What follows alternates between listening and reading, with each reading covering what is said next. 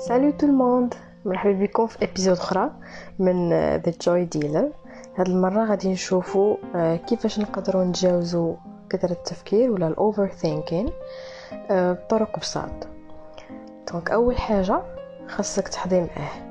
تراقبو وتراقب كل فكرة كتدور في راسك. تاني حاجة حاول تعرف الأفكار اللي كتخربقك وما كتنفعك بحتى شي حاجة. ثالث حاجة ما تعطيش الأمور أكثر من الحجم ديالها. حيت حنا ديما كنضخمو الأمور.